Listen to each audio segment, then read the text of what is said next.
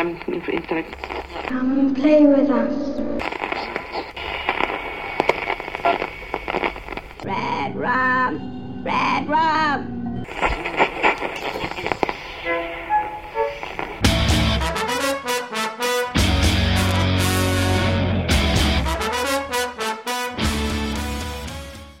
Witam bardzo serdecznie w kolejnym odcinku podcastu Radio SK.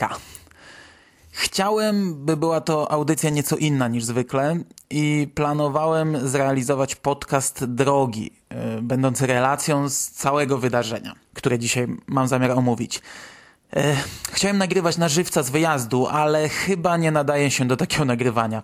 I choć cały czas miałem przy sobie dyktafon, to wyjąłem go z plecaka dopiero dzień po powrocie i na spokojnie usiadłem do relacji w domowym zaciszu. I przechodząc już do sedna tej audycji, postanowiłem wybrać się na film. Tym samym wkroczyłem na całkowicie nowy poziom choroby psychicznej, z którą borykam się już większą część życia a którą można określić zdaniem jestem fanem Stephena Kinga. Pojechałem do kina, ale haczyk tkwił w tym, że kino było we Wrocławiu. Wybrałem się na dwunastą edycję festiwalu Nowe Horyzonty, ale pół biedy, gdybym pojechał na cały festiwal. Ja pojechałem na jeden film.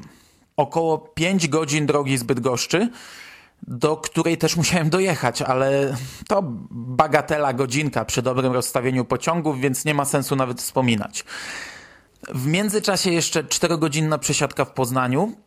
Po filmie zrobiliśmy błyskawiczny, trzygodzinny przegląd kilku wrocławskich knajpek i o północy zawinęliśmy się z powrotem na dworzec. W domu byłem około 6.30 z rana, co daje 24-godzinny wypad do kina z czego jakieś 13 godzin w pociągu. Mniej więcej 140 zł z nauczycielskiej pensji za samą podróż. Do tego bilet do kina i inne niezbędne wydatki, co daje kwotę no dużą. A najzabawniejsze jest to, że pojechałem obejrzeć film dokumentalny, który jest analizą ekranizacji Stephena Kinga, za którą ja nawet e, aż tak bardzo nie przepadam co jest w sumie dość łagodnym określeniem. Kiedyś mieszałem ten film z błotem i prowadziłem internetową krucjatę przeciwko lśnieniu w reżyserii Stanleya Kubricka, no ale teraz już mi trochę przeszło. Oglądaj filmy, słuchaj muzyki, spotkaj twórców światowego kina. 12 Międzynarodowy Festiwal Filmowy T-Mobile Nowe Horyzonty. Ponad 200 pełnometrażowych filmów, 100 premierowych tytułów nagradzanych na międzynarodowych festiwalach retrospektywy mistrzów, odważne kino eksperymentalne, klasyka światowego filmu, pokazy specjalne, wystawy i koncerty. T-Mobile Nowe Horyzonty. Wrocław 19-29 lipca. Więcej na nowehoryzonty.pl Niestety na miejscu nie czekał jakiś wielki komitet powitalny. W przeszłości kilka razy udało nam się zorganizować takie okolicznościowe spotkania fanów i ja zawsze najbardziej lubiłem właśnie takie wyjazdy. E, wszelkie zjazdy czy konwenty mają swój urok, ale najlepiej wspominam takie dość wariackie akcje jednodniowe, połączone z jakimś kingowym wydarzeniem. Może dlatego, że jako fani jednego pisarza nie mamy zbyt wielu okazji na tego typu zorganizowane wyjazdy. No więc łapiemy się każdej okazji. Tym razem nie wyszło i trudno powiedzieć dlaczego. Może dlatego, że informacje o filmie znaleźliśmy zaledwie kilka dni wcześniej, a może się zwyczajnie nie chciało, nie wnikam. Tak jak już mówiłem, to jest spory wydatek, a i nie każdy jest w stanie w ciągu kilku dni zorganizować sobie dwóch dni wolnego. Grupa chętnych na seans składała się z czterech osób, z tym, że tak jak mi pasował każdy termin, a najchętniej zostałbym na noc we Wrocławiu i poszedł do kina dwukrotnie, tak nie każdemu pasował akurat piątek i ostatecznie do Wrocławia pojechałem razem z Ingiem, a na miejscu czekał na nas jeszcze Mucio i wieczór spędziliśmy we trzech. Dwa zdania o samym festiwalu. Idąc za stroną internetową, dowiadujemy się, że Międzynarodowy Festiwal Filmowy T-Mobile Nowe Horyzonty to festiwal filmów wykraczających poza granice konwencjonalnego kina. Dyrektor festiwalu tak opowiada o idei tego eventu. Spośród setek filmów pokazywanych co roku na światowych festiwalach wybieramy, kierując się własnym gustem, te, które za sprawą swojej niezwykłej formy i siły ekspresji nie pozwalają o sobie zapomnieć. Wszędzie budzą skrajne reakcje i emocje, rodzą polemiki i dyskusje, wywołują zachwyty i protesty. Ale to właśnie takie filmy najczęściej wyznaczają najnowsze trendy w światowym kinie. Międzynarodowy Festiwal Filmowy T-Mobile Nowe Horyzonty jest festiwalem wizjonerów kina, artystów bezkompromisowych, którzy mają odwagę iść obraną przez siebie drogą, wbrew panującym modom i opowiadać o rzeczach najważniejszych swoim niepowtarzalnym językiem. Od siebie dodam, że byłem zaskoczony, jak bardzo rozreklamowany jest ten festiwal. Wrocław wręcz krzyczy czarno-biało-różowym zestawem barw. Mm, jako, że sam festiwal jedynie liznąłem, no to chyba najwyższy czas przejść do interesującego nas filmu. Mr. Allen, what is in room 237? Nothing. There ain't nothing in room 237. But you ain't got no business going in there anyway. So stay out. Pokój 237 miał swoją premierę w styczniu 2012 roku podczas festiwalu filmowego w Sundance.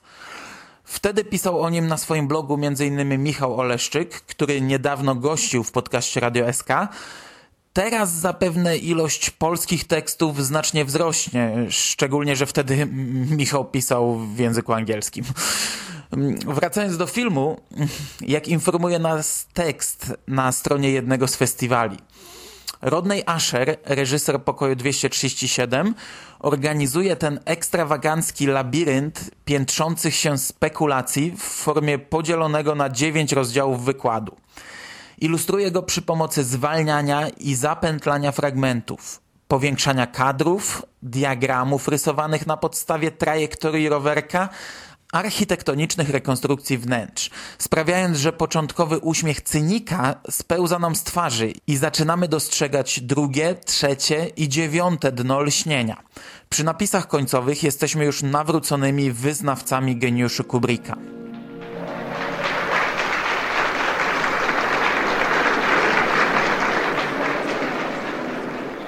Ewa Szabłowska, selekcjonerka sekcji konkursowej Filmy o Sztuce Festiwalu Nowe Horyzonty, w audycji trójkowo-filmowo przekonuje, że dokument Rodneya Ashera to bardzo skomplikowana analiza ukrytych znaczeń w legendarnym filmie Stanleya Kubricka.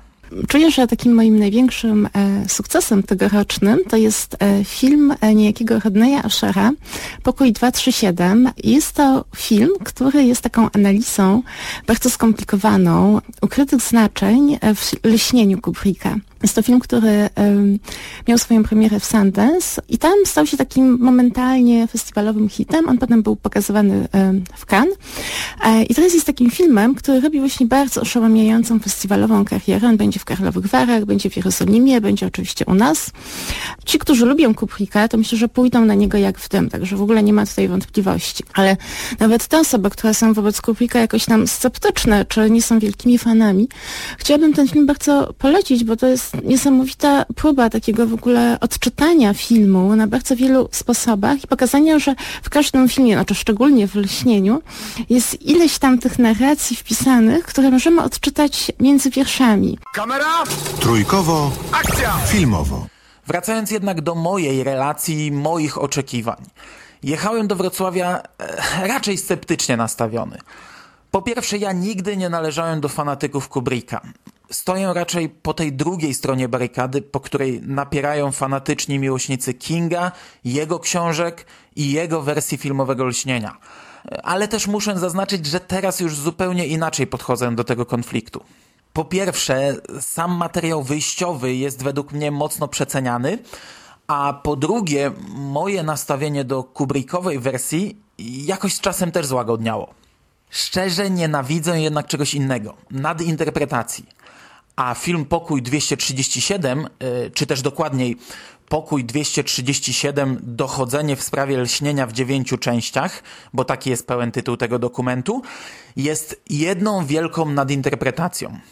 Przed wyjazdem do Wrocławia poświęciłem kawałek swojego wolnego czasu na poszperanie w internecie i efekty tej pracy jeszcze bardziej zniechęciły mnie do filmu, bo obawiałem się, że ten dokument będzie kolejną cegiełką, czy też w tym przypadku gigantyczną cegłą, podkręcającą tylko fanatyzm wyznawców Kubricka. Czego zatem możemy oczekiwać po filmie? Mm, całego worka pełnego niezliczonej ilości niestworzonych interpretacji, daleko posuniętych nadinterpretacji, y, no i trochę kompletnych bzdur, ale też dobrej rozrywki. Y, z odrobiną zaskoczenia stwierdziłem, że te 100 minut spędzone w kinie było naprawdę przyjemne.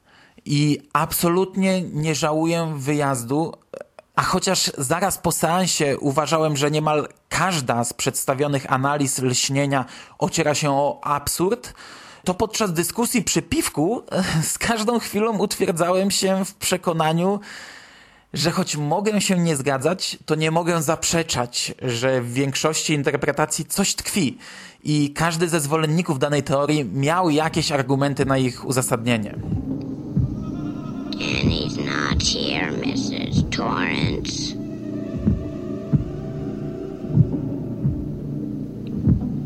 Come on, Ed.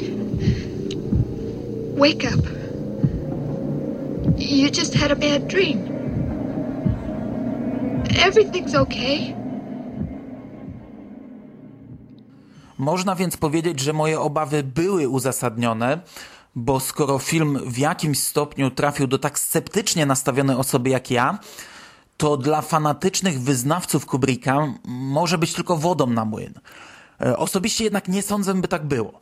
Mam wrażenie, że sporo osób potraktowało to jednak tylko jako zabawę i dobrą rozrywkę, a sala kinowa bardzo często wybuchała śmiechem.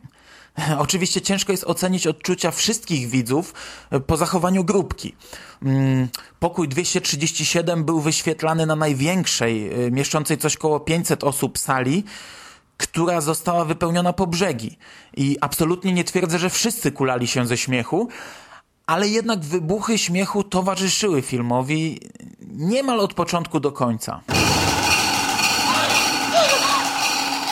Great party, isn't it? Ja może zacznę od tego, co mi się nie podobało, by zakończyć tę całą wypowiedź pozytywami.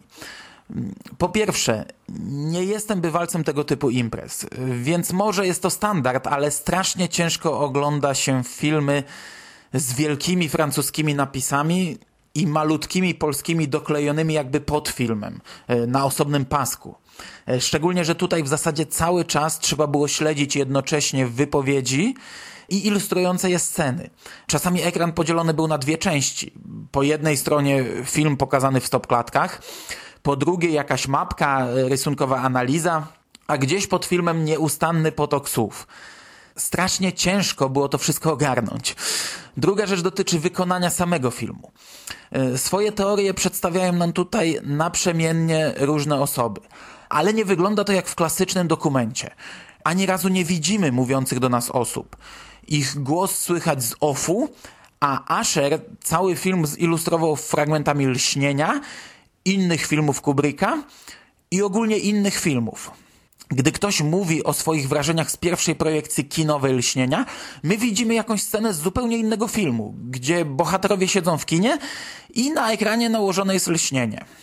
Gdzieś tam też przewijają się sceny z telewizyjnego lśnienia, które nie mam pojęcia w jakim celu zostały tutaj umieszczone, bo nie mają związku z wypowiadanymi kwestiami i mam wrażenie, że to akurat było błędem. Widzimy też Stephena Kinga oglądającego lśnienie, co jest montażem odpowiedniej sceny z jednego z segmentów Creepshow. Pojawiają się też odpowiednio zmontowane sceny z filmów Kubricka. Już w otwierającej scenie, gdy ktoś opowiada o plakatach i zapowiedziach kinowych, widzimy Toma Cruza stojącego przed kinem i oglądającego nałożone w gablotkach odpowiednie plakaty i fotosy z filmu. To wszystko oczywiście świetnie współgra, ale też przez cały film nie widzimy, kim są ludzie, którzy do nas mówią. Mm, podobno pojawiają się napisy, ale zasłonięte francuską ścieżką dialogową w połączeniu z moim nieustannym przeskakiwaniem między ekranikiem z napisami a głównym ekranem z filmem, no zwyczajnie mi one umknęły i dopiero Ingo już po seansie mi uświadomił, że takie coś było.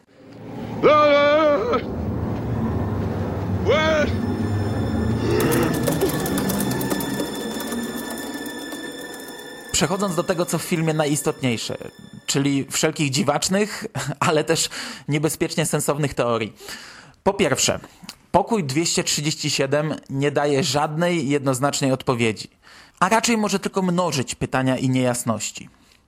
Chyba wszystkie wypowiadające się osoby twierdziły, że największe znaczenie ma to, co widzimy w tle.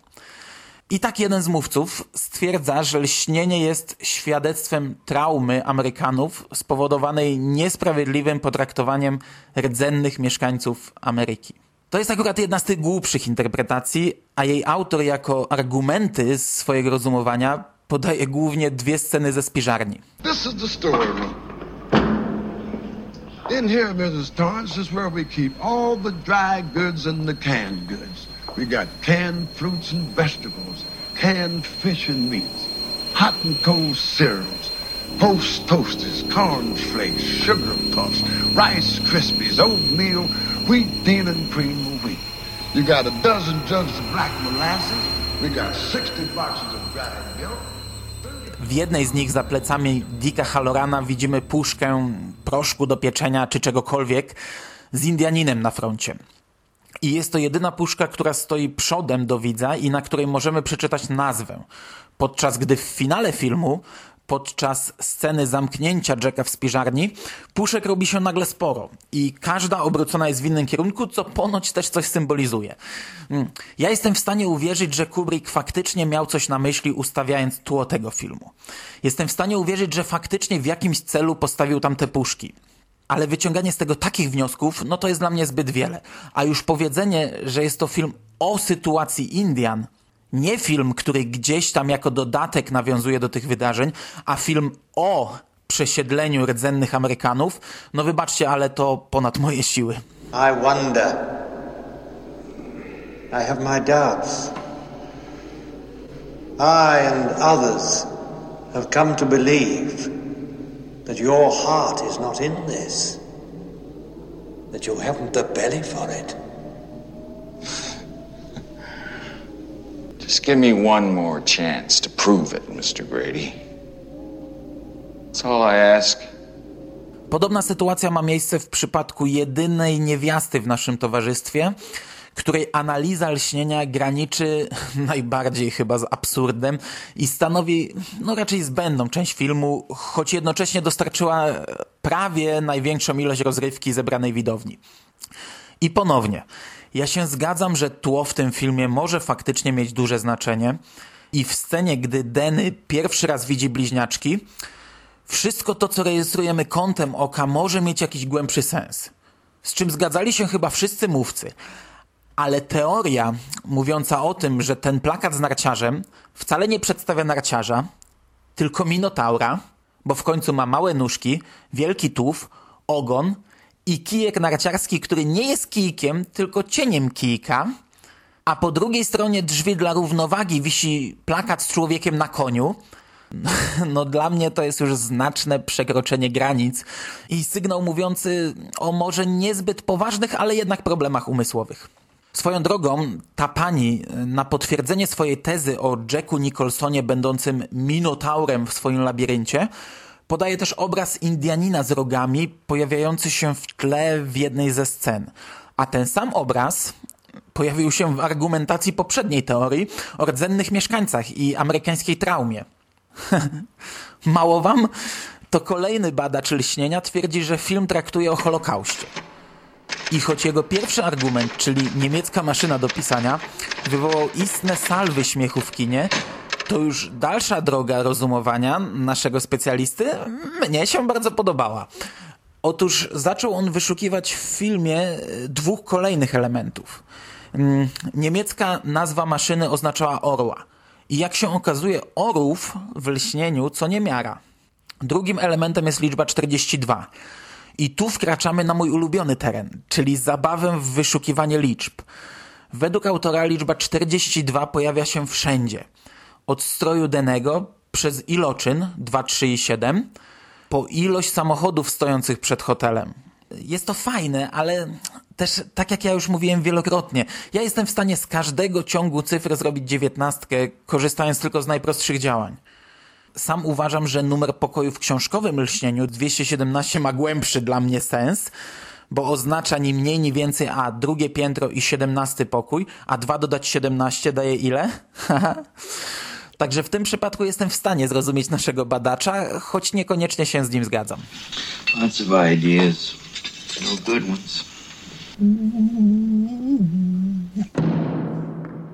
Strasznie spodobała mi się natomiast chyba jedna z bardziej znanych teorii spiskowych dotyczących lśnienia, traktująca o tym, że Apollo 11 nigdy nie wylądował na Księżycu, a nagranie z tej misji jest materiałem spreparowanym, w czym ponoć brał udział Kubrick, a następnie w swoich filmach zaczął umieszczać wskazówki, a samo lśnienie jest jednym wielkim krzykiem. Tak zrobiliśmy to, nie, nie mogę o tym mówić, oglądajcie uważnie film.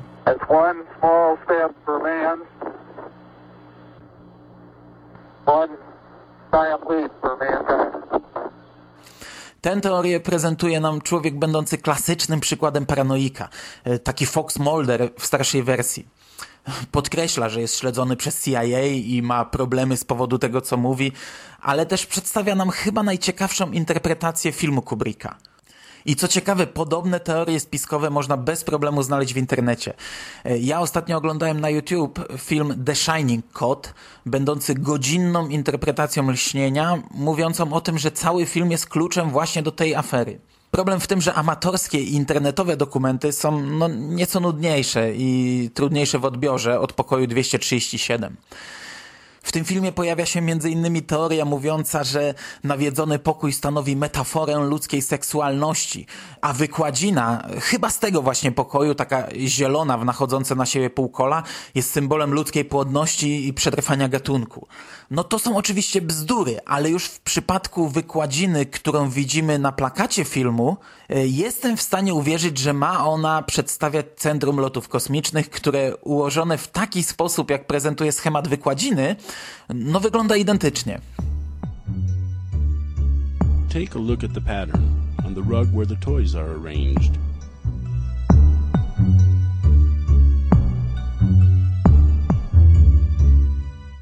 Does that pattern remind you of anything you would see at the National Aeronautics Space Administration, NASA?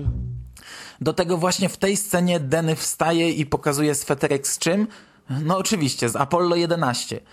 Dlaczego Stanley Kubrick zmienił numer pokoju z 217 na 237? Oficjalna wersja mówi o tym, że nie chciałby w przyszłości właściciele prawdziwego hotelu, w którym kręcono film, mieli problem z wynajęciem nawiedzonego pokoju. Dokument przedstawia inne teorie. Pierwszą już poznaliście. 2 razy 3 razy 7 równa się 42, czyli Holokaust. Teoria spiskowa o fikcyjnym lądowaniu Apollo mówi nam po pierwsze, że pokoju 217 nie ma w hotelu, w którym rozgrywa się akcja filmu, więc i oficjalna wersja zdarzeń jest błędna. Ale też po drugie, 237 to numer studia, w którym rzekomo powstał fikcyjny materiał z Księżyca, a po trzecie, przybliżona odległość Ziemi od Księżyca wynosi 237 tysięcy mil. Ciekawe? No jak dla mnie znacznie bardziej niż puszka z Indianinem stojąca w tle jednej ze scen. 381,600 kilometers converted to miles is 237,000. Room 237 represents the moon. Danny enters room 237, the moon room. This is where Stanley Kubrick films the Apollo 11 moon landing. Mało wam? No to lecimy dalej. Napis na kluczu Room NO 237. NO oznacza skrót od numerka, ale liczby ROOMNO to jakby połączenie słów room i moon, czyli pokój i księżyc. Każde zdanie wypowiedziane przez Jacka do Wendy mam zobowiązania względem pracodawców. Nie mogę tego zrobić, bo podpisałem umowę. Muszę wykonać to, czego ode mnie wymagają. Według twórców tej teorii jest to wręcz jedna wielka spowiedź, czyli to, co już powiedziałem. Tak, zrobiliśmy to. Nie, nie mogę o tym otwarcie powiedzieć.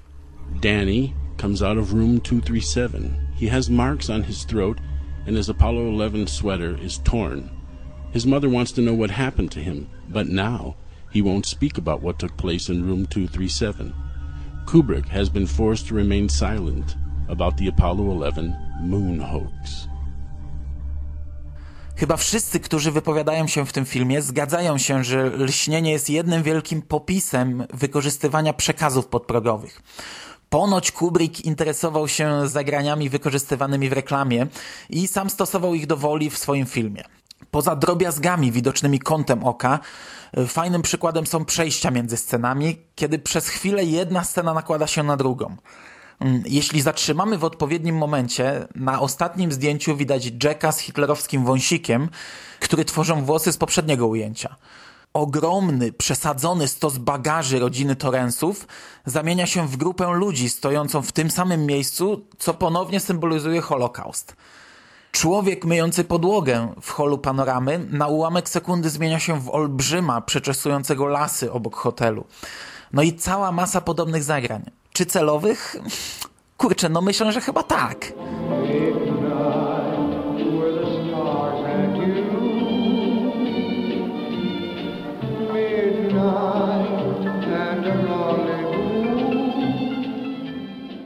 Pokoju 237 znajdziemy też sporo celowo zabawnych elementów. Choć czasem są to nadinterpretacje. Organizatorzy festiwalu i twórcy filmu zapowiadali, że już nigdy potem oglądanie lśnienia nie będzie takie samo. Wiedzieliście przykładowo, że jeśli zrobimy pauzę w scenie, w której Jack podaje rękę Ullmanowi, wygląda to tak, jakby Ullman miał w tej chwili wielki wzwód? No ja też nie wiedziałem, ale teraz już nie będę umiał oglądać tej sceny bez uśmiechu. Mr. Ullman? Yes? I'm Jack Torrance. Oh, well, come on in, Jack. Very nice to meet you. Nice to meet you, Mr. Ullman.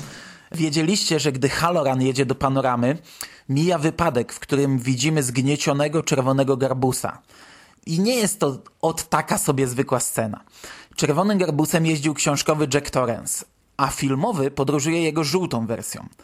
A scena ze zgniecionym czerwonym Volkswagenem jest niczym innym jak wyraźnym przekazem Kubricka do Kinga. Pieprz się, to moje lśnienie. I guess uh, we just heard from the news department, Charlie. Only a few of the flights are still landing out at Stapleton International Airport. And uh, with these early storms like this, I guess the entire airport will probably be closed within the hour. Ciekawą teorię przedstawił też jeden z internautów, który chciał pozostać anonimowy. Twierdził on, że lśnienie pełne jest przesłanek sugerujących, by ten film oglądać zarówno od początku, jak i od końca. Jest Denny cofający się po swoich śladach na śniegu. Jest Wendy wchodząca tyłem po schodach z kijem baseballowym. No i jest przecież Red Room. Jeden z filmowych ekspertów postanowił dosłownie przeanalizować lśnienie od każdej strony i wraz ze znajomym z kina przeprowadził ciekawy eksperyment, nakładając na siebie dwie kopie filmu. Jedną puszczoną normalnie, a drugą od końca. No i tutaj miał prawdziwe pole do popisu, bo przecież w każdym filmie obejrzanym w taki sposób znajdziemy masę ciekawostek. Jestem przekonany, że jeśli ktoś obejrzałby tak zmontowany zmierzch, to mógłby nagrać cały film dokumentalny ze swoimi spostrzeżeniami. Nasz ekspert twierdził jednak, że Kubrick celowo zrobił tak, by lśnienie było tworem kompletnym, oglądanym zarówno od początku, od końca, jak i od początku i końca w tym samym czasie. I choć ja absolutnie nie zgadzam się z taką teorią, to trzeba przyznać, że niektóre sceny faktycznie świetnie na siebie nachodzą. Już otwierająca film scena wraz z napisem na ostatnim zdjęciu stanowi pocztówkę zapraszającą na bal w panoramie. Rozmowa Jacka z Charlesem Grady w czerwonej ubikacji nakłada się na rozmowę danego z tatą w łóżku, gdzie chłopiec pyta go, czy byłby w stanie wyrządzić im krzywdę. Ta sama rozmowa z ubikacji nakłada się też na scenę z telewizorem, który nawiasem mówiąc ponoć celowo nie ma kabla. Usta Jacka i Grady'ego nachodzą na ekran telewizyjny i jakby mówią przez niego, a wielkie okna idealnie dopasowują się do ich twarzy, yy, tworząc dziwne maski. Zbliżenie na maszynę do pisania pokrywa się ze sceną, gdy Wendy odkrywa, czym zajmował się Jack, ponoć pisząc swoją książkę. Świetnie pokrywa się też twarz Jacka ze sceną śmierci dziewczynek. I to naprawdę wygląda doskonale i robi niesamowite wrażenie. Z oczu Jacka wypływa krew, a na ustach tworzy się wielka plama. Sam Jack wygląda natomiast jak upiorna wersja klauna. Osoby wypowiadające się w filmie posuwają się jeszcze dalej. Otóż według nich Kubrick nie popełnia błędów. W jednej ze scen podczas rozmowy Jacka z Wendy w tle znika krzesło. Hi, hon. How's it going? Fine. Błąd w montażowni? Otóż według Kubrickowych fanatyków nie. Znikające krzesło jest, uwaga, parodią starych horrorów klasy B. Serio. Get a lot written today? Yes. Hey, the weather forecast said it's gonna snow tonight. What do you want me to do about it? Ale są też błędy, w które jestem w stanie uwierzyć. Y, Choć nie wiem, czy nie jest to wpływ paranoi wyciekającej z ekranu, który najwyraźniej mi też się trochę udzielił. Wiecie, że gdy Denny wstaje z podłogi podczas sceny widocznej na plakacie, ujęcie zmienia się o 180 stopni? Mom?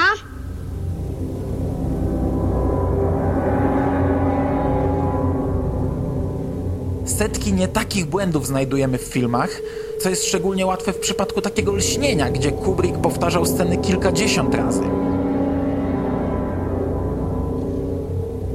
Mom? Nasi badacze twierdzą jednak, że jest to celowy zabieg pokazujący, że droga ucieczki, czyli pasek wychodzący z sześciokąta, w którym znajduje się mały Denny, już nie istnieje. Przed chwilą jeszcze był, ale teraz chłopiec jest już zamknięty i nie ma wyjścia. Wiecie, że podczas pierwszej sceny, w której Denny widzi windę i wylewającą się z niej krew, ze ściany znika jedna naklejka? Tony, why don't you want to go to the hotel? I don't know. You do too know. Now come on, tell me. Don't want to. I tutaj też można powiedzieć, że nie takie błędy zdarzały się w filmach. Szczególnie, że ta scena, w której nie ma naklejki, znajduje się chyba tylko w wersji reżyserskiej. No ale akurat ta konkretna naklejka jest chwilę wcześniej w zasadzie na pierwszym planie, a potem znika. I wytłumaczenie, oczywiście według mnie absurdalne, brzmi następująco. Denny dostał objawienia. Teraz już wie, że drugi świat istnieje, a więc przestał być nieświadomym gabciem. Dlatego też ze sceny znika naklejka jednego z siedmiu krasnoludków. I'm to ask you to do me a favor and stay quietly in bed for the rest of the day, okay? Oh, I have to? Yes, I'd like you to. Teoretycznie można powiedzieć, ok, Kubrick był szalenie inteligentnym fanatykiem, który tworzył filmy z niesamowitą precyzją. Każda scena ma głębszy sens, ale skoro w tym filmie wszystko ma drugie dno, to w takim razie co oznacza cień helikoptera w pierwszej scenie filmu? Jeśli każdy szczegół ma znaczenie i skoro w tym filmie nie ma rzeczy przypadkowych, no to jaki jest sens helikoptera rzucającego cień na góry Colorado? Dlaczego maszyna do pisania zmienia kolor w trakcie filmu? To też jest zamierzone? Niemiecka maszyna, która staje się ciemniejsza, ma symbolizować Holokaust? A na pewno nie wiedzieliście, że Watson, dozorca hotelu, którego zastępuje Jack i który mówi fine, Fine. jest ucieleśnieniem CIA i milczącej twarzy Ameryki, podczas gdy Ullman, ponoć celowo ucharakteryzowany na Reagana, e, symbolizuje drugą twarz Ameryki. Jest też tutaj kilka fajnych zagrań. E, Bohaterzy wchodzą do jednej sali, a wychodzą z zupełnie innym wyjściem, na co ja nie zwróciłem uwagi oglądając film, a jestem w stanie uwierzyć, że nie było to błędem montażowym, a miało na celu wprowadzać dezorientację w topografii hotelu. Co ciekawe, i tutaj nie mam pojęcia jak i w jakim celu to zostało zrobione, w pierwszej scenie panorama wygląda inaczej niż podczas przyjazdu Torrensów. I nie chodzi o to, że jest to inny budynek, a raczej jakby ten pierwszy został zmodyfikowany. Wycięto środek, a hotel teraz składa się jakby z lewej połowy i doklejonego do niego prawego skrzydła budynku. Takich zagrań mających na celu dezorientację widza jest znacznie więcej. Jak dokładnie oglądaliście wcześniej scenę rozmowy kwalifikacyjnej Jacka? Ja przyznaję, że nigdy nie zwróciłem uwagi na szczegóły, a tutaj poświęcono im sporo czasu. E, Weźmy na przykład okno, które znajduje się w centrum wydarzeń, a biorąc pod uwagę w jakim miejscu hotelu znajduje się to pomieszczenie, to tak na dobrą sprawę tego okna nie powinno tam być. A jeśli nawet, to nie tak oświetlone. W pewnym momencie twórcy omawiają też taką dość długą scenę, y, gdy rodzina Torrensów wchodzi do hotelu. O tej scenie opowiadała dwa lata temu aktorka, która przyjechała na wrocławskie Dni Fantastyki. Ona pojawia się w tej scenie i mówi jedno zdanie, do widzenia panie Ullman, z tym, że pojawia się przez jakieś dwie sekundy. Mr. Allman. Why? Good morning, Jack. Do Wrocławia przyjechała jako aktorka występująca, powiedzmy występująca w Gwiezdnych Wojnach, w których też pojawia się jakieś dwie sekundy, ale nic nie mówi i nie pokazuje swojej twarzy. Ja zbieram autografy nawet takich aktorów z Gwiezdnych Wojen i zapłaciłem za nią 30 złotych no, miałem nadzieję, że w tej analizie zostanie pokazany jakiś głębszy sens tej postaci i okaże się, że te 30 zł wcale nie było takim dużym wydatkiem, e, a nasza postać może okaże się jakąś kluczową postacią w filmie Lśnienie. No niestety, zostaje wspomniana, zostaje wyróżniony numer 13, który ma na swojej koszulce, ale nic poza tym. I ja mógłbym tak jeszcze przez godzinę mówić o tym filmie.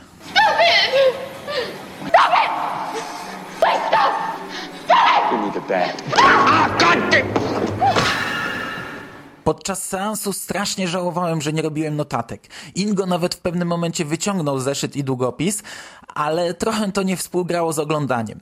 W tym filmie jest cała masa ciekawych smaczków. Ja przytoczyłem ich wiele, ale to są te najbardziej rozwinięte teorie, które pewnie pojawią się w każdej recenzji pokoju 237, bo nie sposób ich zapomnieć. W tym filmie jest jednak cała masa nawet pojedynczych wypowiedzi, które fajnie byłoby zacytować. Yy, niestety jest tego tyle, że wiele z nich zwyczajnie zlewa się po jednym seansie. Choć sam reżyser przyznał, że w pewnym momencie musieli się zatrzymać, gdyż analiz lśnienia jest więcej. Z przyjemnością obejrzałbym ten film jeszcze raz, najchętniej na spokojnie w domu. Jednak wydanie tego na jakimś nośniku w Polsce no jest raczej niemożliwe, więc pozostaje tylko śledzić programy festiwali filmowych. Pokój 237 już pojawił się na dwóch i łącznie pokazywany był trzy razy.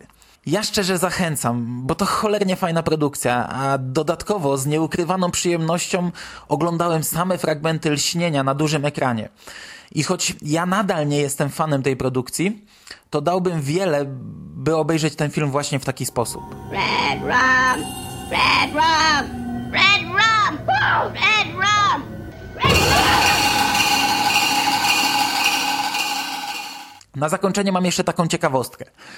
Zacząłem ten podcast od tego, jak mocno pogrążyliśmy się już w naszym fanatyzmie dotyczącym Stephena Kinga i jak daleko przekroczyliśmy już pewną granicę zakończenie pokoju 237 pokazuje nam, że stoimy jeszcze na pewnym gruncie, a do tej ostatecznej granicy, no, jeszcze sporo pozostało. Jeden z rozmówców w pokoju 237 mówi mniej więcej coś takiego. Oglądałem lśnienie tak wiele razy, że nie wiem już, gdzie leży granica między tym, co widzę, a tym, co chcę zobaczyć.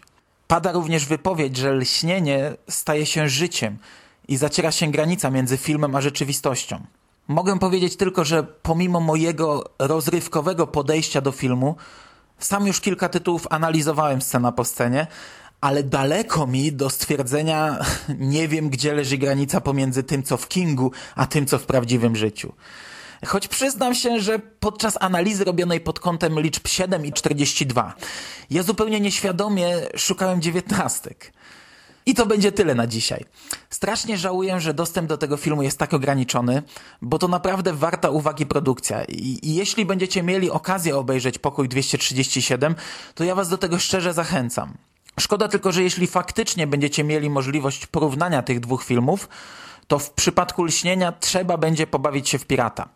Bo ta analiza dotyczy wersji reżyserskiej filmu, której nie kupimy na DVD, a dodatkowo obecnie dostępne wersje filmu na DVD i Blu-ray zostały przycięte do formatu 16:9, co też trochę zmienia nam całą sytuację.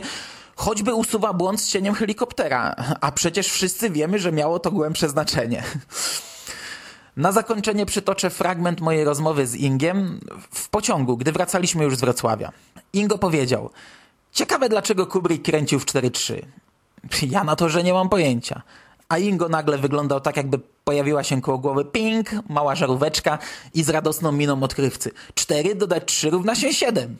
Na co ja, ale 16 odjąć 9 to też 7.